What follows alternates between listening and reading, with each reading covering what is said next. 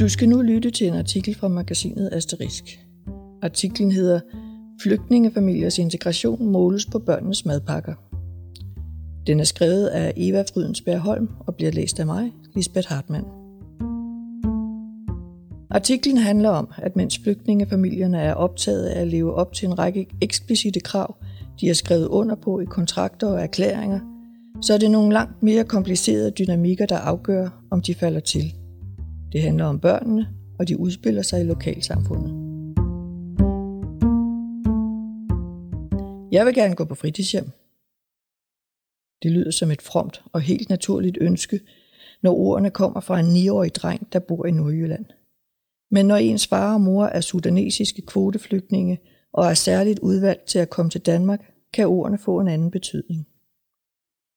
Det erfarede antropolog og lektor på DPU Aarhus Universitet, Birgitte Romme Larsen, da hun i forbindelse med sit Ph.D.-studie ind i Danmark i 2011 besøgte nytilkommende flygtningefamilier, der var boligplaceret i små danske landsbysamfund. Heriblandt den sudanesiske familie i Nordjylland. Birgitte Romme Larsen fortæller.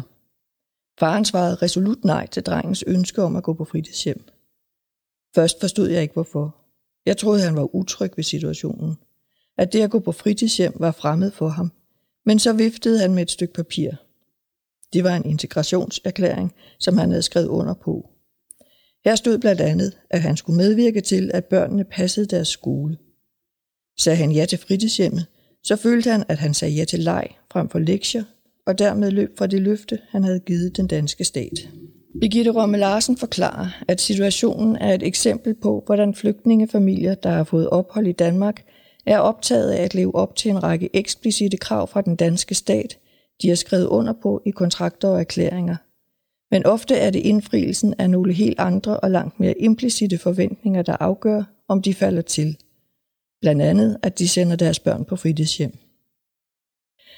Selvom det efterhånden er nogle år siden, at Birgitte Romme Larsen skrev sin Ph.D.-afhandling, er dens fokus på flygtninges integration i de små samfund stadig relevant.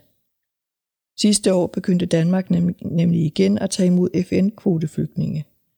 Og ligesom tidligere fordeles de i små byer rundt omkring i Danmark, blandt andet for at undgå ghettodannelser. Med sit Ph.D.-studie ønskede Birgitte Romme Larsen at undersøge, hvordan flygtningefamilierne lykkedes med at skabe tilhørsforhold og fremtidsudsigter. Hvad skulle der til? Og hvad betød samspillet med lokalsamfundet for integrationen? Gennem sit 12 måneder lange etnografiske feltarbejde flyttede hun ind i de små samfund og fulgte familierne i deres hverdag og i deres interaktion med naboer og lokalsamfund. Politisk har der været en tendens til at anskue flygtningefamilier som isolerede øer, der tales ofte om, hvad der går galt inde i eller hjemme hos familierne, hvis det ikke lykkes med at falde til i Danmark. Men familierne er jo ikke lukkede kredsløb. Jeg var derfor interesseret i at undersøge de dynamikker og interaktioner, der opstod mellem familierne og lokalsamfundet, og hvad det betød for deres tilhørsforhold og fremtidsudsigter, fortæller hun.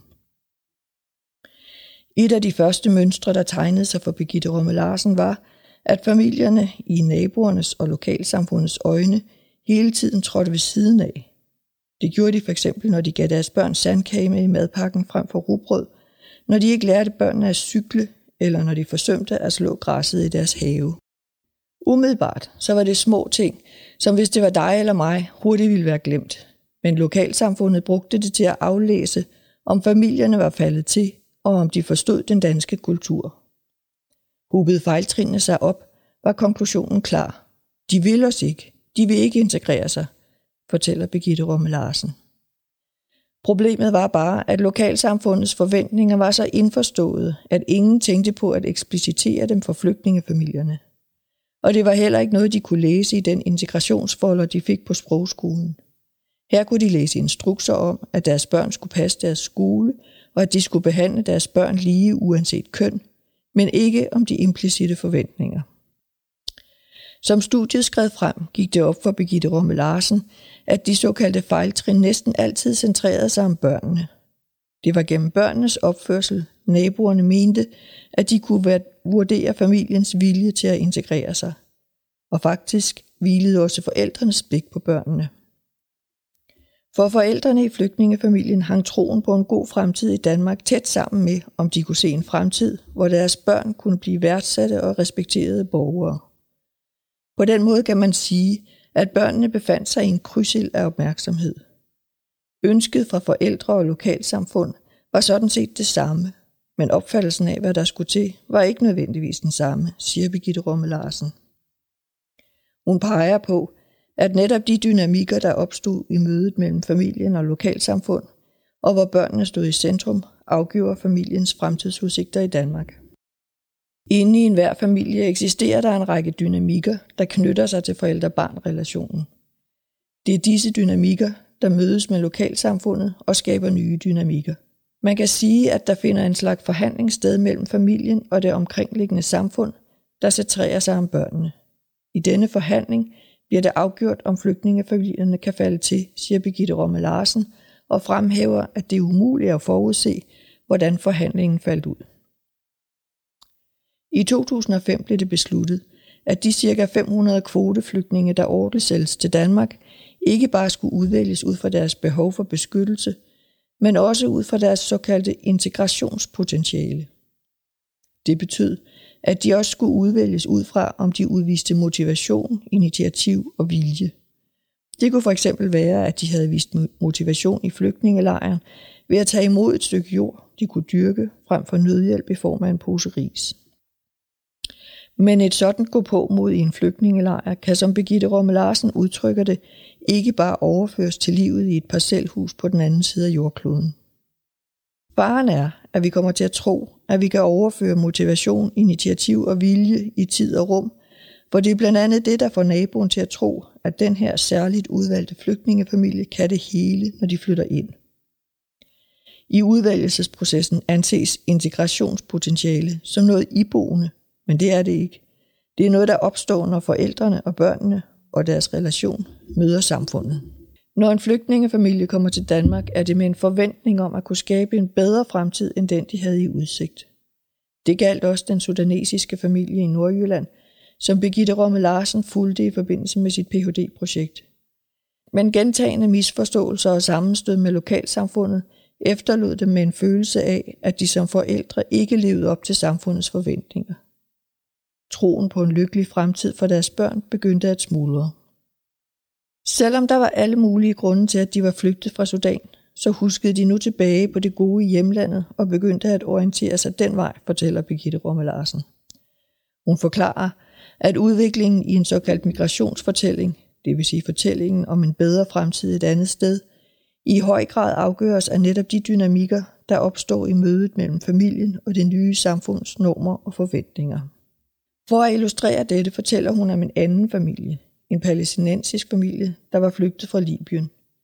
Deres møde med det danske lokalsamfund var langt mere positiv end det, den sudanesiske familie oplevede, og derfor udviklede deres narrativ sig anderledes.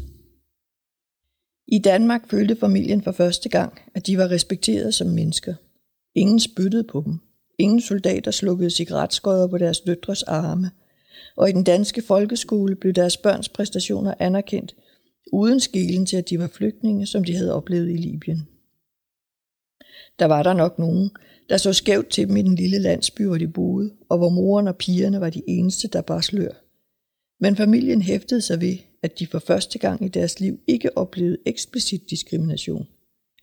De oplevede derfor, at de gik en lys fremtid i møde, hvor børnene kunne få uddannelse og udvikle sig til respekterede borgere, forklarer Birgitte Romme Larsen. Når hun som forsker på feltet gennem årene har fortalt om de mange uudtalte normer og forventninger til hverdagens rutiner, som møder flygtningefamilierne i de små samfund, og som de ingen jordisk chance for har for at gennemskue, er hun ofte blevet spurgt, om det virkelig har så stor betydning.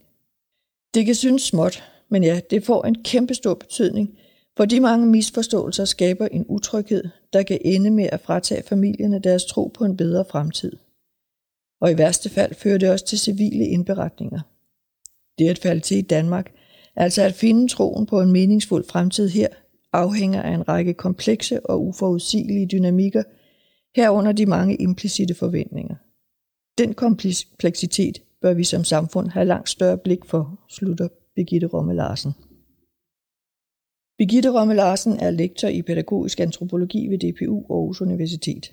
Hun forsker i migration, flygtningefamilier, asylcentre, lokalsamfund og naboskab, med særlig fokus på det hverdagslige møde mellem migranter og lokalbefolkning i danske landdistrikter. Hun underviser på kandidatuddannelsen i pædagogisk antropologi. Hvis du vil læse mere, kan du blandt andet gøre det i Birgitte Romme Larsens Ph.D.-afhandling. Den hedder Skabelse af sted- og tilhørsforhold blandt nyankomne flygtningefamilier bosat i mindre danske lokalsamfund.